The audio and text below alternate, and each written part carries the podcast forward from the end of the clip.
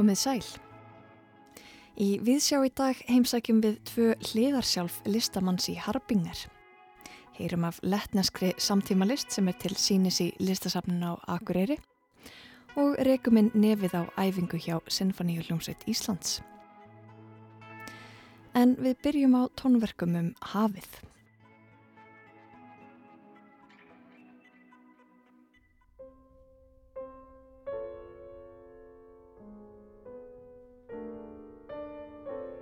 Sigrun Harðardóttir, fyrirleikari sestina hjá mér og þú ætlar að segja okkur frá e, já, tónleikum sem eru verða í Hafnaborg á sunnudaginn þar sem að verða flutt þrjú verk mm sem að öll tengjast hafinu á einhvern hátt. Jú, mikið rétt. Þetta eru þessast tónleikar Káta Kollektiv sem er tónlistarhópur um, og þetta eru tónleikar sem að einmitt tengjast hafinu og, og títillin er Óður til hafsins og þetta er verk eh, eftir Elgar eh, sem heitir Sea Pictures, þetta er svona ljóðaflokkur sem er í nýri útsetningu eftir Þórtísi Gerði Jónsdóttur sæluleikara sem er annars stopp meðlumur Kátu Kollektiv á svona mér. Og það er sérst nýjútsetning fyrir piano, fiðlu, cello og rödd, sopran.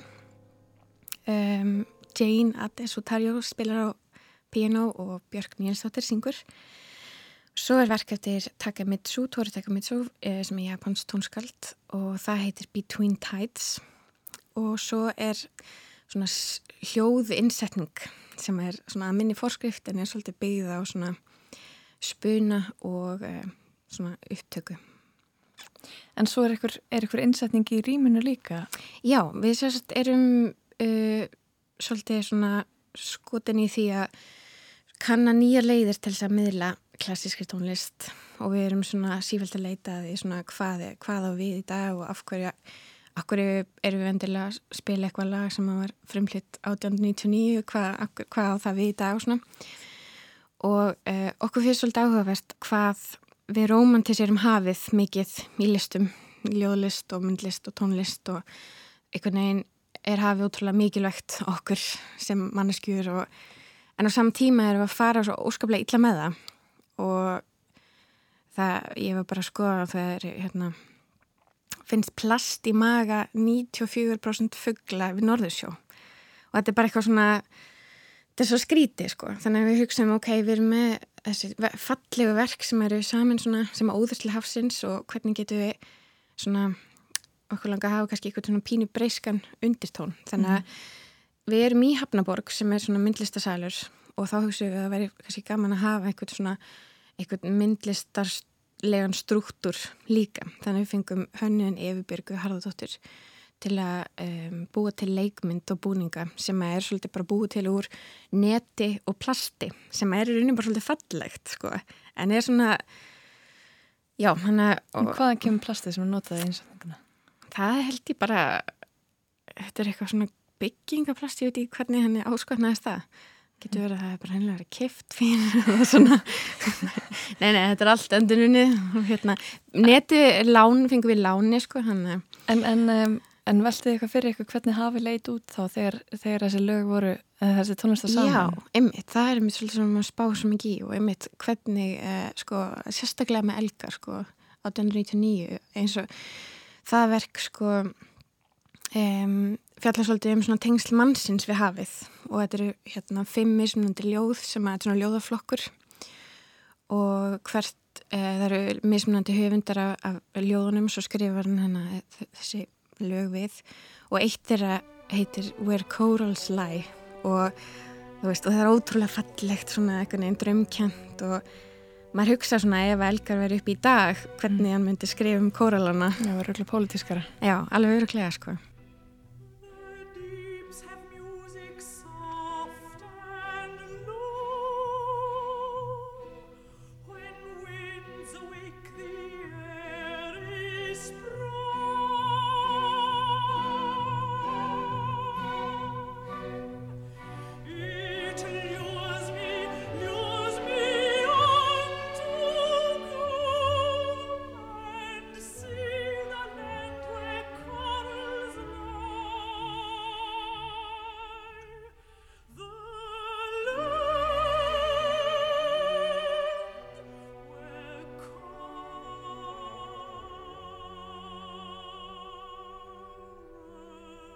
við erum ekkert að reyna að vera eitthvað rosalega pólitísk hérna, við erum bara að flytja fallega músík en þetta er bara svona smá svona... Finnst ykkur flókið að vera að flytja þá fallega tónlist án þess að bara að minnast á þessa í rauninni stöðu sem við erum í dag? Já, og það er kannski meira það bara svona, maður er svona aðeins að minna á svona, ok, þetta er öll þessi fegur þérna en en hérna, erum bara að passa hana. Og það er kannski bara svolítið flókið að vera manneska í dag. Það er eiginlega bara svolítið flókið að eh, hunsa nákvæmlega þetta að vera að tala um fjörðina andres að, að, að viðkynna ljóðleikan sem við berum ábyrða Akkurat, akkurat.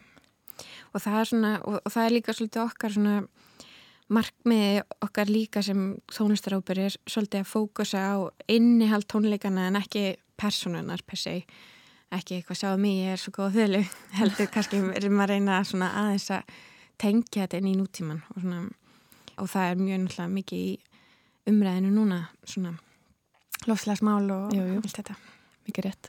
Þú sagðir aðan að, að kammertónlist væri aðgengileg tónlist en að umgjörðin væri fráhrindandi. Hvað áttu við með þau?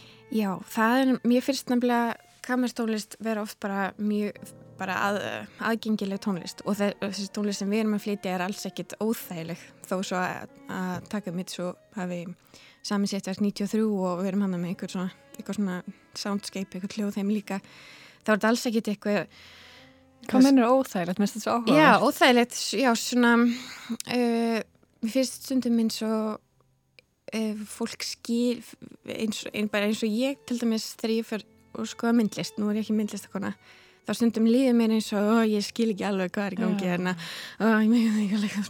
En þegar ég leifi mér að fara á myndlistar síningar eða, og hérna og bara leifi mér að njóta listarinnar á mínum fórsendum mm -hmm. það er svona það sem við erum líka svolítið að reyna að gera með þessum tón, tónleikum. Mm -hmm. Og það er oft þannig á kamir tónleikum og fólk veit ekki alveg hvort það er að klappa myndli kabla eða einhvern veginn hvernig það sita og einhvern veginn það verður eitthvað svona spennu þrungi andrúslega sem er mjög bara að vera algjör óþari Fyrst er auðvildar þá að, að halda þessa tónleika í Hafnaborg heldur en ef þetta væri bara í, í, í um, björnuloftum eða? Já, mér finnst það að hjálpa til sko, að þetta er svona, er endar ég hef oft spilað tónleika í Hafnaborg og þá hérna, og, það, og þá er mitt, hefur verið kannski bara einhver myndlisasýning í gangi og maður er eitthvað, oh, skuld og fyrir hérna, eitthvað svona og, en núna erum við svona að svona að bara njóta þess að vera í myndlistarými og mm. bara og búið til myndlist líka í leðinni akkurat, akkurat. Og þetta er svona svolítið bara einmitt uh, eins og fyrsta verkið sem, að, sem ég geri það er hugsa bara svolítið sem bara svona innsetning.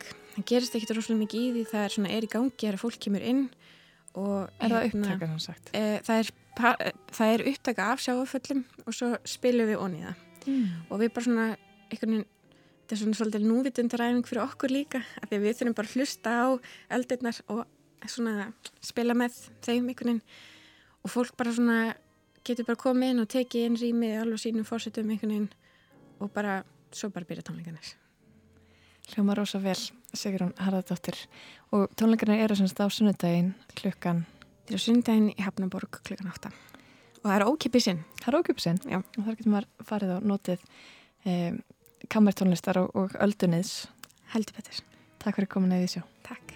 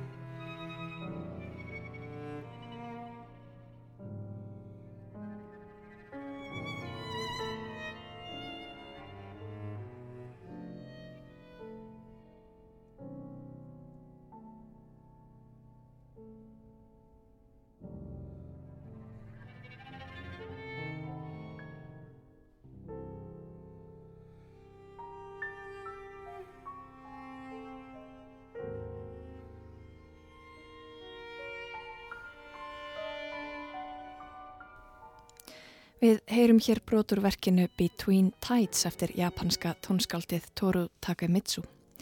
En næsta stopp er Akureyri. Gíja Holmgirstóttir heimsótti listasamnið þar í bæ.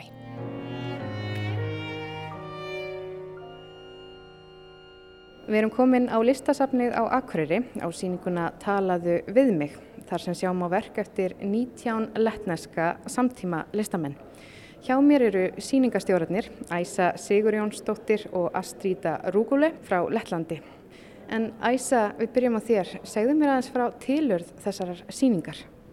Já, síningi sjálfur er í rauninni hluti af þessari fullveldistagskrá Lettlands Uh, ég hef áður vinn, unnið í, sem síningarstjóri með lettneskum listamönnum og þekki því svona þessa lettnesku listasögu svo litið og hef kynst mörgum lettneskum samtíma listamönnum og það er nú eina ástæðan fyrir því að það var haft samband við mig til að bjóða sagt, íslensku listasafni e, þessa síningu sem átt að vera einhvers konar afmæliskjöf til Íslands vegna þess að e, lettar þeir telja sér standa í mikilvæg þakkarskuld við Ísland vegna þess að Ísland var sem sagt pólitist séð eitt af þeim löndum sem að samþykti Lettland e, sem sjálfstætt ríki og þess vegna var þetta í rauninni einhvers konar svona þakklætisvottur til landsins og þetta í rauninni e, já, afmæli skjöfletta til Íslands, svolítið sérstakt.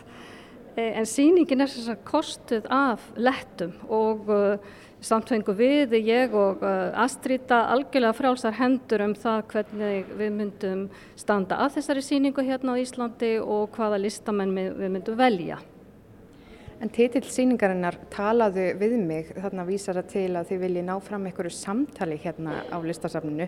Segð mér aðeins frá þessu.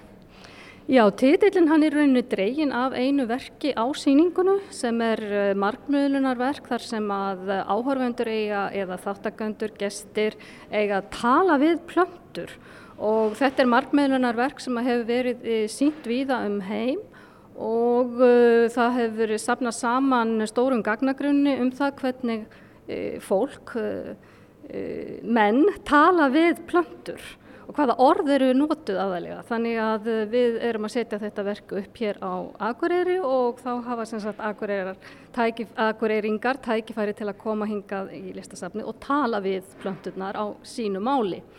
Nú okkur fannst tilvalið að nota þetta, já þessa áskorun, þetta er svolítið mikil áskorun í þessum tilli að bara tala saman, vegna það er mikil áskorun og það er erfitt að tala saman e, og það vísa til svo margs. Nú, um, nú listaverk tala náttúrulega til manns og þau listaverk tala til þeirra sem að horfa á þau og þeirra sem að gefa sér tíma til að staldra við til að móttaka myndlist. Því það er heilmikið eh, mál að ætla sér að einhvern veginn að móttaka myndlist í þessum hraða sem við erum alltaf í og við erum líka mikið að skoða myndir og myndlist kannski alltaf í gegnum uh, uh, síman eða tölvuna og gefum okkur kannski ekki nægilega mikið tíma til að fara inn á listasap bara til að standa augliti til auglitis fyrir framann listaverkið. Já, akkurat og þið viljið þarna að samtíma listasafni sé þá svona vettvangur til þess að staldra við og, og, og mynda samræður og tala saman þá. Já, ég held að listasafni sé svo vettvangur núna og það er hægt að tala um ýmsa hluti á listasafninu sem að kannski erfitt er að tala um annar staðir. Það hefur sínt sig við erlendis að listasafni getur verið ofin vettvangur til að tala líka um erfiðar hluti. Nú við erum kannski ekkit að tala um neitt voðalega erfiðar hluti hér. Reyndar eru sumverkin eh, tengjastau erfiðri sögulettlands eh, sem er samt liðinsaga. Þannig að það er alveg hægt að horfa núna svolítið aftur í tíman kannski án sársöka og meira bara velta fyrir sér þessum aðstæðum, þessum sögulegu aðstæðum sem að já, mörg Evropalönd uh, voru í bara fyrir uh, örskamum tíma, ekki fyrir nema 30 árum. Og uh, svo eru mörg verk hérna sem, sagt, sem er alveg nýverk og það er verið að brytta upp á nýjum umræðuöfnum, það er verið að velta fyrir sér til dæmis uppbeldi barna og uh, það er verið að velta fyrir sér lofslagsbreytingum og uh, það er verið að uh, hugsa um uh, bara framtíðina. Glenn, what's your name? How have you been today? Guess it must be a weird feeling with all this highbrow glances, so will you make a difference? Have a nice show. So Astrida, Ég vík tali mínu næst að Astríta Rúgule, hinum síningastjóra síningarinnar og spurði hana nánar út í þá sögu sem síningunni er ætlað að miðla. And the story is different, and that's why we, uh, while selecting the artworks, we kept to idea that we have uh, to show different angles of Latvian life, Latvian... Hún segir þessa sögu margskonar og þess vegna voru valin verkin á síninguna sem getur miðlað ólíkum hliðum á latnesku lífi, latneskum vennjum, heimsbyggi þeirra sjálfsmynd, hverstagslífi og sögu. For example, now we are standing in so called uh, our past the 20th century, uh, these uh, years of Soviet occupation, and how they are reflected in uh, artworks. And you see a lot of irony. Astríta lýsir verkonum í rýminu þar sem við stöndum. Verk sem taka á lífinu í Lettlandi þegar landi var undir stjórn Sovjetríkjana á 20. stöld. Í verkonum má greina mikla kaltæðinni, mikla ljóðurænu, sársauka, en sjónarhortnið er einhvað síður jákvætt. Astrita heldur áfram að lýsa raunveruleikanum undir stjórn Sovjetiríkjana og segir hann hafa verið marglaga. We lived in three uh, levels of truth and uh, openness. One level in family, then se uh, second level friends, And then this level of society, we pretended, yeah, how it is, eh, how it has to be. Hún lýsir lagskiptum raunveruleika þessa tíma. Fyrsta lægið var fjölskyldilífið, síðan vinir og að lókum var það lag samfélagsins. Þar sem nöðsilegt var að þykjast, haga sér á réttan hátt og eiga samskipti eftir fastmótuðum reglum. Astrita segir fólk hafa tekist á við þessa hugmyndafræði með viðnámi sem kom innanfrá og braust meðal annars út í romantískri og innkverfuri tjáningu, í ást á náttúrunni og ást á frelsinu eins og sjá má í mörgum verkana á síningunni. You can see this romantic attitude, this introvert attitude, this love for nature, love for freedom and as a, as a person who lived in Soviet times and living now, I can say that freedom is here. You can be free, also under occupation, and you can be uh, just in cage, also in free democratic world. Astrida bendir á hjartastað og segir að sem manneskja sem lifði sovjaska tíma og lítur tilbaka, þá getur hún sagt að frelsið búi innra með manni. Hægt sé að upplifa frelsi undir hernámi og hægt er að upplifa sér inn í frjálsu líðræðis ríki.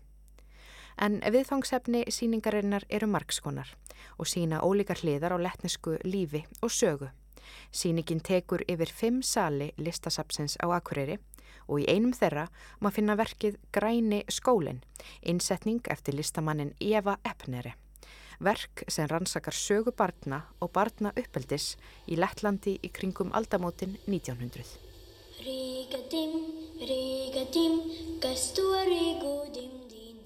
Uh, my name is Eva Epnere and I'm from Riga, Latvia. Green School, it was uh, really title of the school uh, for uh, little kids, preschool, like uh, kindergarten. It was actually first kindergarten in Latvia. Hún segir söguna á bakvið verkið en Græni skólinn var nafnið á fyrsta leggskóla Lettlands sem stopnaður var af auðugum verksmiðju eiganda sem sjálfur hafði brotist út úr fátækt og erfiðum aðstæðum. Sagan segir að hann hafi verið á gangi í nágrinni verksmiðju sinnar og séð þar börn verkamannana að leik. Þau voru skítug og aðstæður þeirra slæmar og hann ákvað að grípa til sinna ráða og stopna skóla fyrir börn úr fátækum fjölskyldum. Hann leitaði til konu að nafni Marta Ringa sem hafði mikinn áhuga á mentun barna og saman stopnuð þau græna skólan sem ætlaður var fyrir börn úr fátækum fjölskyldum. Það var Marta Ringa sem hannaði kerfið sem skólinn byggði á. She did four color system, pink, uh, blue, um, yellow and green, which divided kids by age. Hún segir að ringa hafi notast við ákveðna liti fyrir hvern aldur. Bleikur fyrir þau allra minnstu, síðan blár, svo gulur og grænt var fyrir eldstu börnin. Börnunum voru falin verkefni sem hæfðu aldrei þeirra, en meðal verkefna var að hugsa um og gróðursetja í litla rektunarkassa sem hverju barni var útlutað. Ég byrð Jefu um að lýsa verkinu nánar sem við sjáum á síningunni. Uh, so there is a video piece, and then um, usually I always adapt it for the space where it's shown, but the main piece is video. Verkið er innsetning sem byggist á myndbandsverki en auk þess má sjá fjóra mislita jakka sem börnin klæðast í myndbandinu.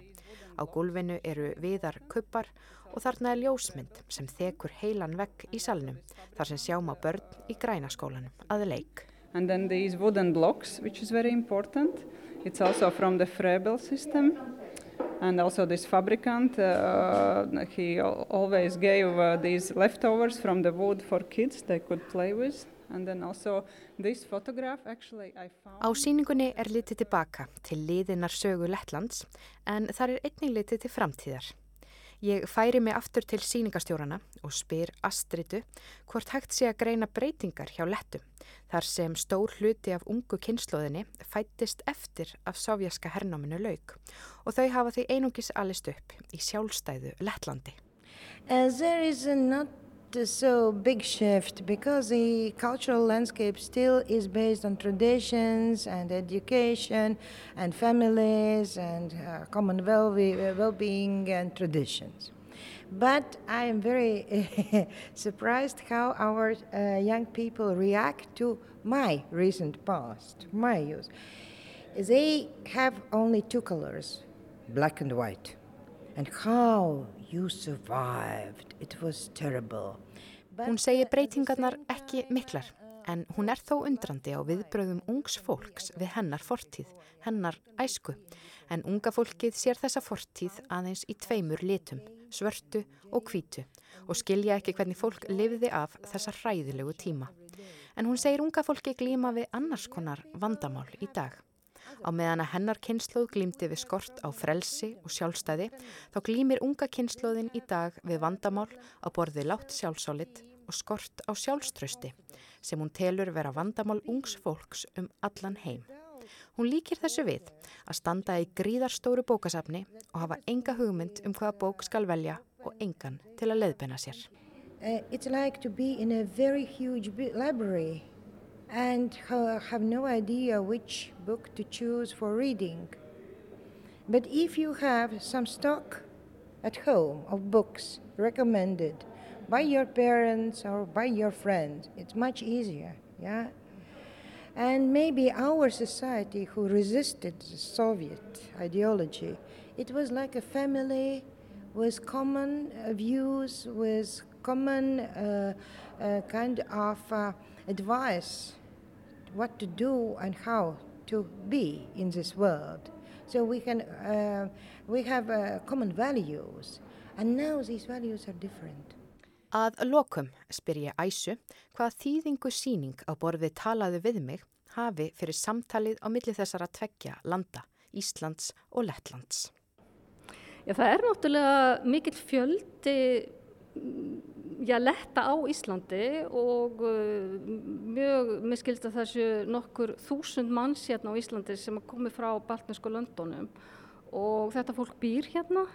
Uh, mér finnst alveg ástæða til að við sínum líka list þeirra virðingu og bjóðum þeim að koma hingað og það er kannski líka leið til að brytta upp á einhverju nýju samtali uh, við þá íbúa sem að koma til Íslands og setja sérna að eða í lengri eða skemmri tíma.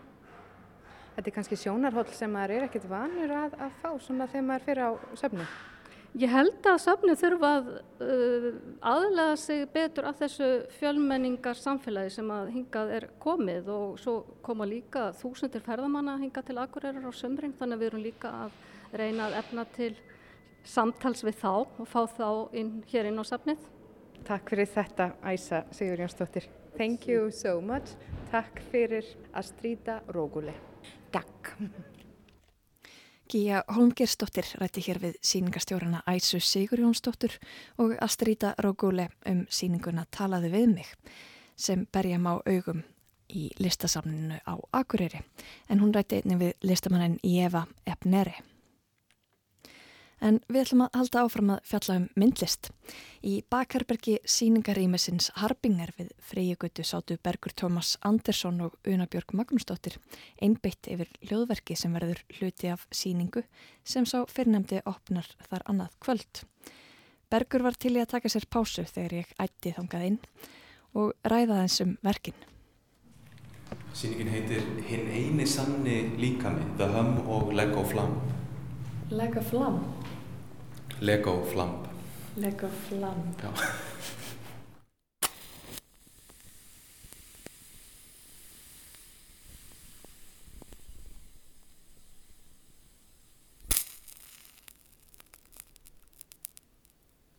Ok, mjög gott. En þannig komið mitt sko upp úr hérna svona einhvern svona, svona hashtag miskilling. Já. Ég sá hashtag á Instagram og ég var er þetta? Lego Flamp. Var það þá Leg of Lamb? Já, já, já. Umvitt, mjög gott. Já.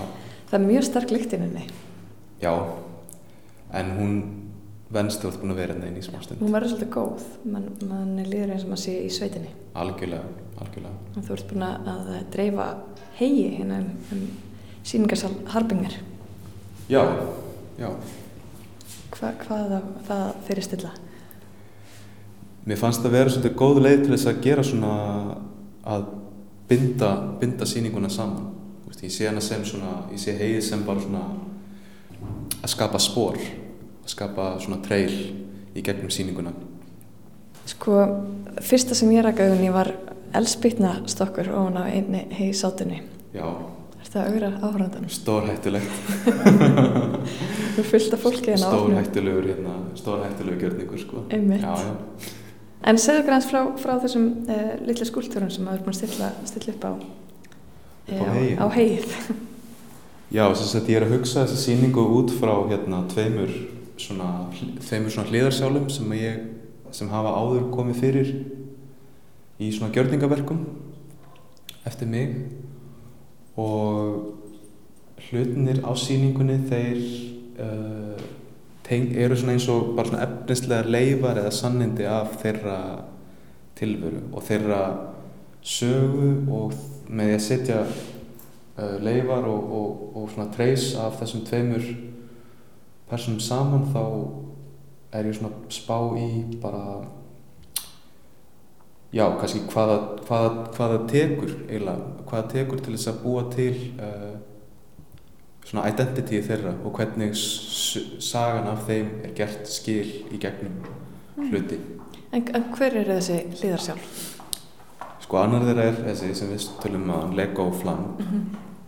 og hinn er The Hum og uh, The Hum er hann er eins konar sko eins og nafni gefur til kynna er hann svona ómur ég hugsa hann sem svona eins og nokkur svona, svona borgar hljóðmynd svona eins og þegar þú heyrir í flugvélum í fjarska eða þegar þú heyrir í kannski verksmiðju sem er eitthvað svona að dundra út einhverjum svona svona játnhljóðum og svona bangerar en það er líka, en ómurinn er líka sko úr kannski um, melodíum sem það heyrir í fjarska kannski keirir bíl framhjá, það er eitthvað lag sem það kannast við mm. og svoleiðis. Og The Hum hann svona hvað segir maður? Hold, hold ger, gerist eða embodjar embodjar, þú veist, þessi þessi hljóð, sko, þetta svona fenómenon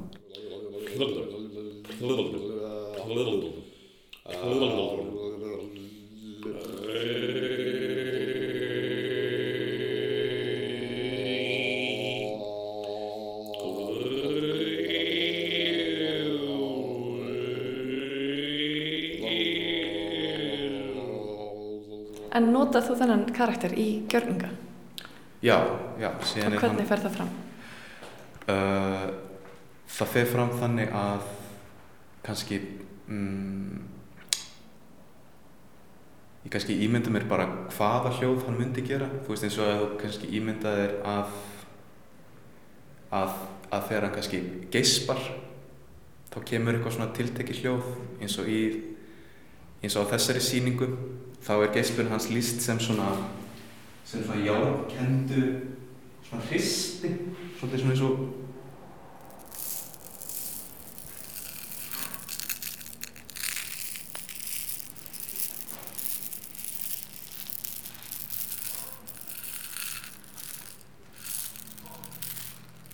svona eins og þetta kunna ljóma eða þá kannski eins og síðan eins og hérna er eitt verk sem ég hugsaði sem svona sem væri svona tungan hans eða tung, tungan á því fyrirgefðu mm.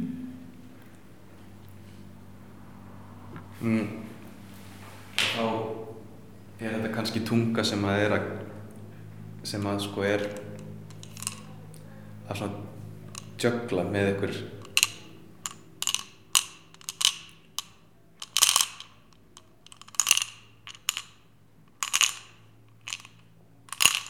með einhver svona hljóð þú veist.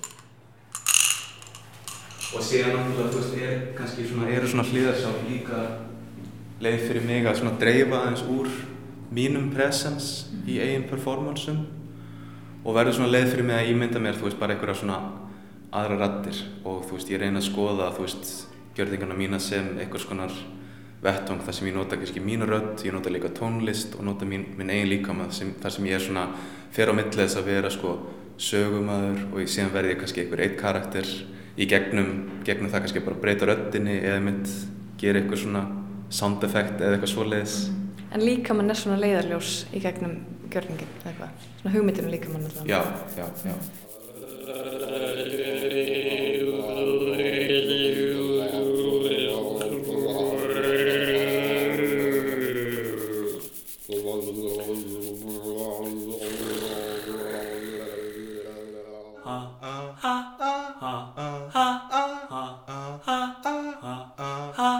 Follow the direction of my knee.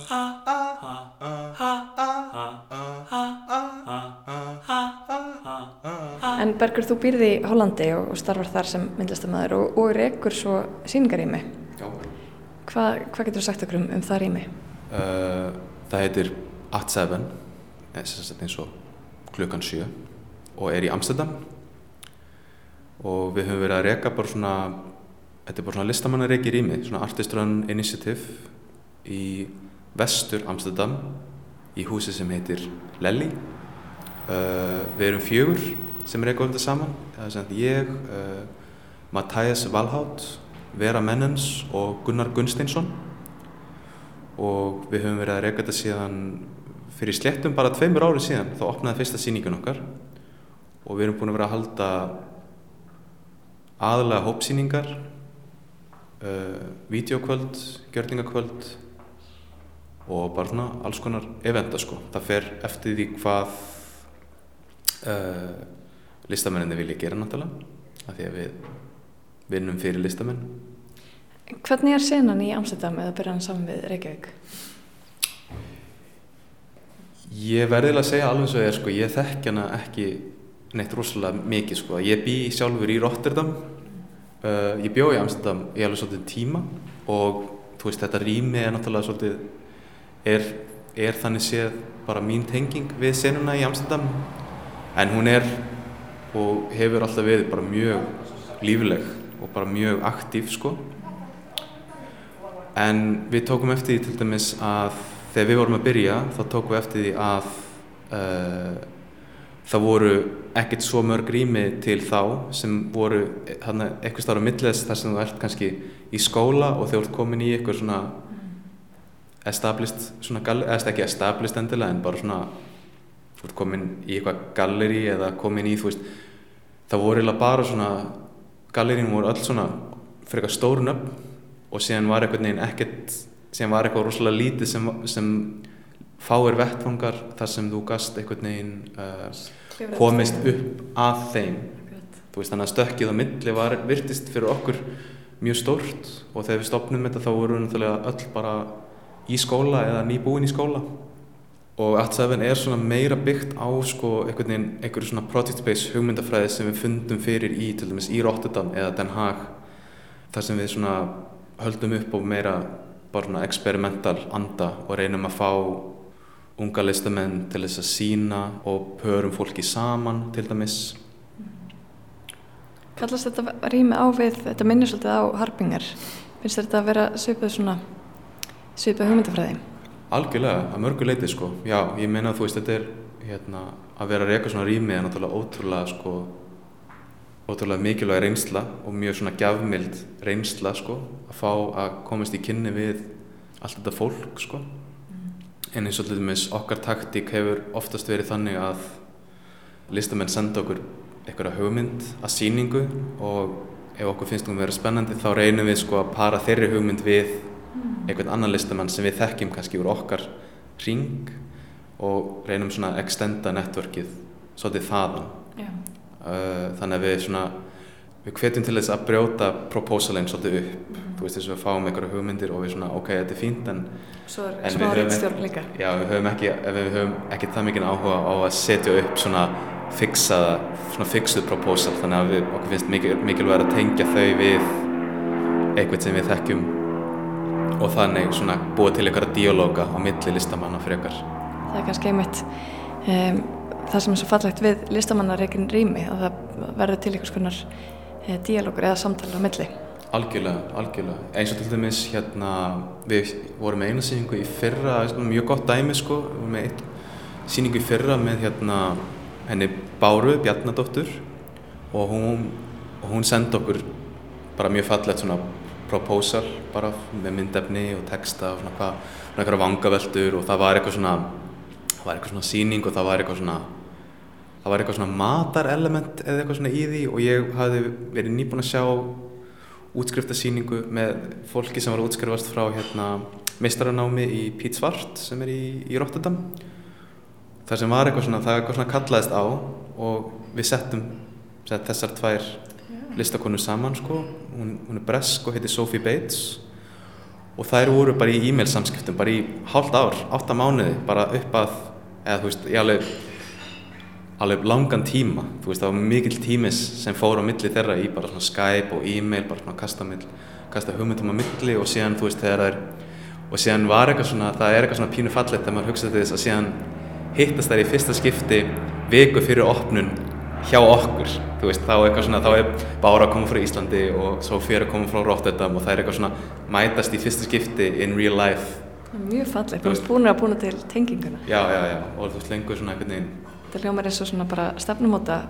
Algjörlega, já, já, já, algjörlega. Og síðan náttúrulega, þú veist, benefita allir listafmennina því að þú veist network, til dæmis network þeirra begja kemur á síninguna og þá verður eitthvað svona smá meiri hrærigrautur Já, þannig að þið eru svona að rannsaka listamenn líka og svona með, með eitthvað gagnagrunn, ef svo máttu segja, af, af hugmyndafræði listamanna og sem að þið parið svo saman eftir henduleika.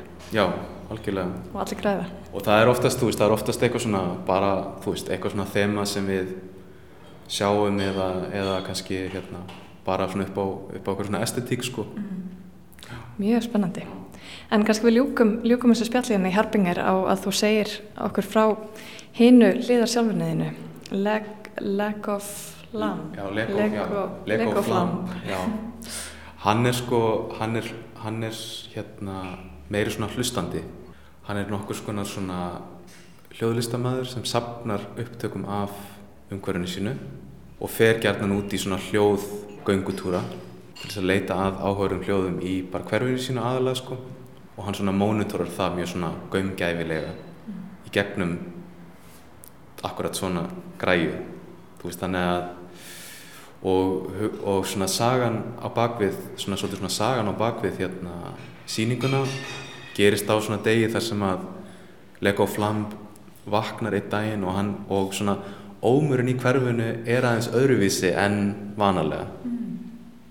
og þannig að þá, þá fer hann þá leggur hann á stað í svona hljóðulabitúr og þá svona mætast þessir mætast þessi tveir karakterar og mætti segja að þú veist síningin er að miklu leiti um þú veist dualisma á milli kannski personu sem að er stöðugt að skapa hljóð og milli personu sem hlustar.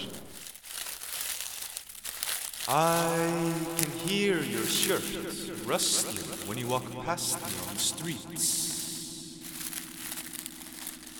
A special texture Hvað gerist þegar að hljóðgefin og, og hlustandin mætast? Mjög fallegt. Við kveitum þetta hlustandur til að mæta bara á opnun förstudagskvöld klukkan 7.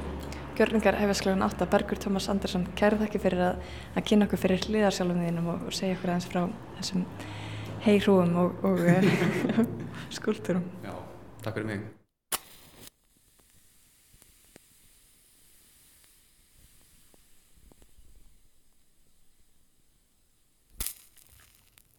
Og þá yfir í annars konar hljóðverk eða tónverk öllu heldur. Það eru sinfoníutónleikar í kvöld. Á efniskráni eru verk eftir John Adams og Jóhannes Brahms, auk pianokoncerts nr. 25 eftir Mozart.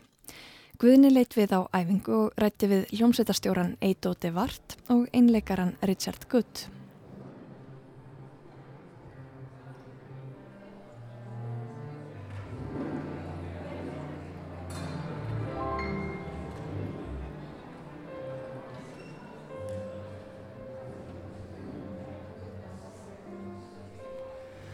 En þá snúum við okkur að efniskráni, ég og Eidóti Vart og ræðum fyrst pianokoncert Mozarts K503 sem hann stjórnar og þar sem Richard Good leikur einleiki í kvöld. Ég náði að fylgjast með æfingu í vikunni þar sem þeir félagarnir voru að gera tilraunir bæði á uppsetningu sveitarinnar, blástu sljóðfærin sátu skeindilega fremst aftan við einleikaran og eins greipti vart til þess að minga hljómsutina. Hann afþakkaði krafta á öftustu púltum til að ná réttum ballans í hljóminn milli hljómsutar og píanós. Ég spyr hljómsutastjóran úti þessar uppröðunur pælingar og hann segi mér að þær hafi komið frá einleikaran. I sat through your practice and I saw two changes. There was a, a specific arrangement of the orchestra and then you decreased it. then you decreased yeah, yeah. yeah.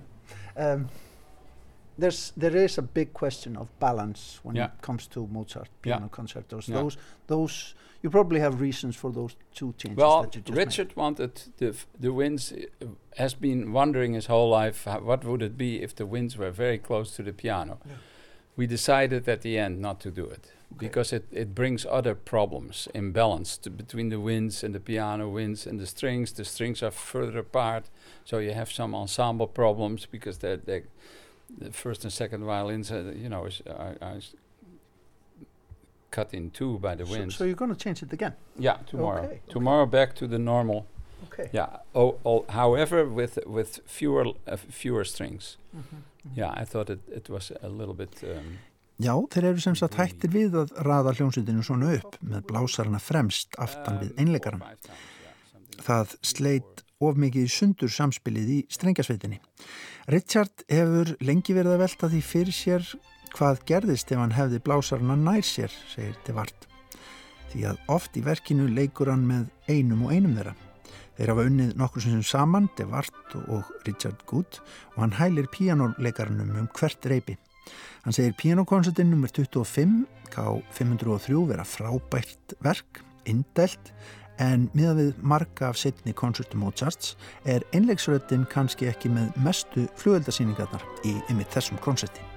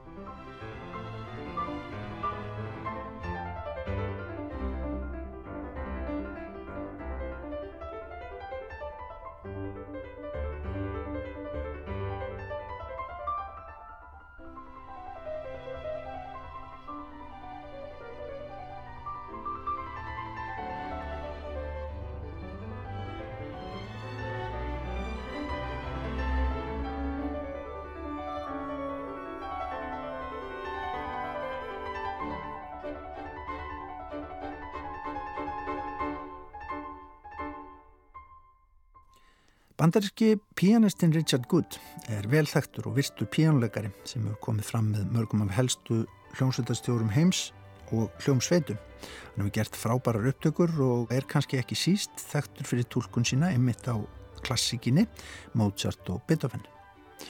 Upptökur á konsertum þessara tveggja tónskalda hafa hlutið góðar viðtökur og einnig heldar upptökur hans á öllum píanusóndum Beethovens sem að koma út hjá Nonsöts útgáfinu um árið og þóttu engar vel hefnaðar.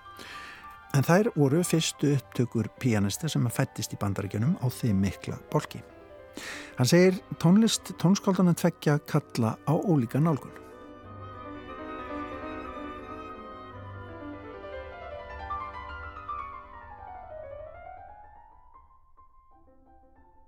Partly the music imposes a different approach.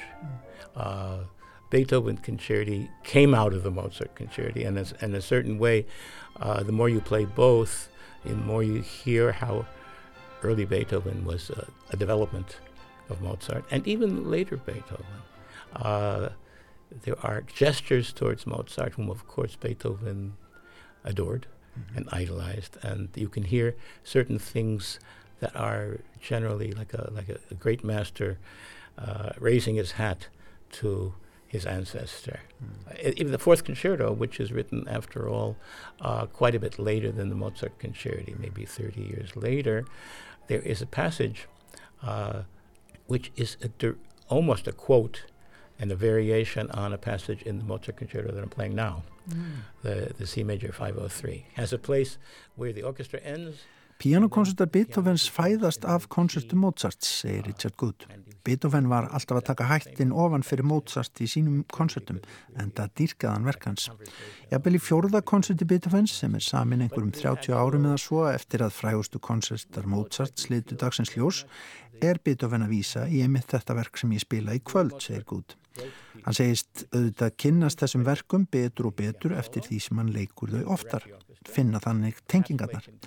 En munurinn liggur líka í því hvernig hljóðfæri og hljómsveitir voru að þróast á þessum árum. Pianoið á tímum Beethovens var öblúra hljóðfæri, hljómsveitirnar starri og salinnir sem þessi verk voru frumflutt í líka. Mozart-koncertarnir eru því nær kammertónlist. Í síðasta koncerti Beethovens er pianoið nánast farið að keppa við hljómsveitina. Uh, I think it's different, you're right. Um, the concerti that we know best are the ones that he wrote uh, in this earlier 1780s. This is later. Actually, this is the next to last. Well, there are three at the end, Two or three, but yeah. uh, but the real ones, the real last one is 595. Mhm. There was a concerto called Coronation Concerto, which is not really great Mozart, and this this concerto, Gershel 503. Uh, but the best known concerti are the ones that he wrote around the time of Figaro and Don Giovanni, and um, instead of the winds just sort of accompanying as they had in previous concerti and not taking an active role, suddenly they turned into opera singers, Mhm. and they were. Richard Good bendur okkur á að allra þekktustu konsertar Mozart séu samtir eiliti fyrr en sá sem við heyrum í kvöld. Um það leiti sem hann var að semja Brúðköp Fíkarós og Don Giovanni nokkrum árum fyrr og það eru verk sem voru undir miklum áhrifum frá söngrötinni bæði í því hvernig samið var fyrir píanóið og blástusljóðfærin. Blástusljóðfærin breyttust nánast í óperusöngvara, segir hann. Konsert kvöldsins K503 nálgast það að vera symfónískur á köplum og maður fær stundum á tilfinninguna að píanóið sé valkvætt, obligato eins og það heitir, segir Richard Good. Svo er konsertin oft nánast eins og Júpiter-symfónían fræga, grand, glæsileg tónsmíð og hátileg. a little bit like the way the Jupiter Symphony is, the idea of something grand and ceremonial in the first movement. And the last movement also has a courtly element because it's a gavotte. Mhm. The slow movement is really one of the most beautiful and most uh, purest and most surprising harmonically. There are all kinds of surprises in this piece. En með vísun í tilraunir einleikara og hljómsveitastjóra með uppröðun hljómsveitarinnar á æfingu spyr ég Richard Good hvort að enn sé svigrum til tilraunamennsku með þessara tónlist Mozarts. Auðvita, segir hann. Jável þó við getum fengið upptöku með leik Mozarts með einhverjum hætti í dag, þá myndum við ekki breyta öllu og fara bara að leika verkinans eins og hann. Við myndum halda áfram að prófa okkur áfram ekki satt. Og af hverju?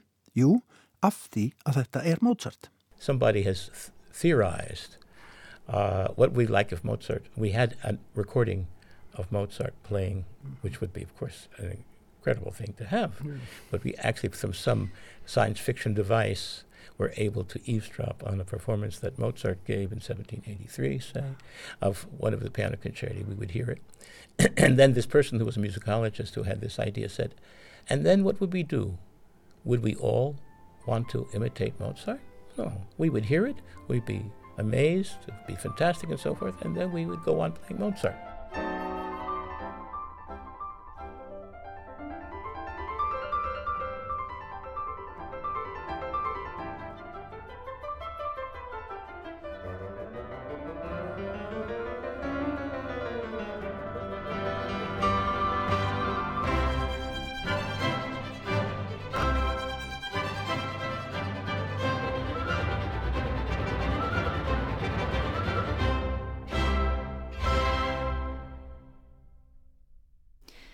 Tómasson rætti hér við hljómsveitarstjóran Eidó de Vart og einleikaran Richard Gutt, en tónleikar sinfoníinar verða sendir út í beitni útsendingu klukkan hálf átta í kvöld hér á Rás 1.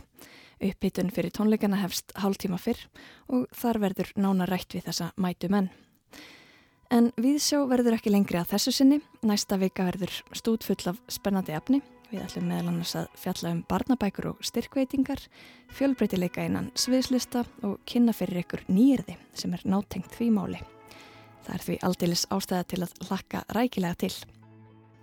En þánga til, veriði sæl og takk fyrir að hlusta.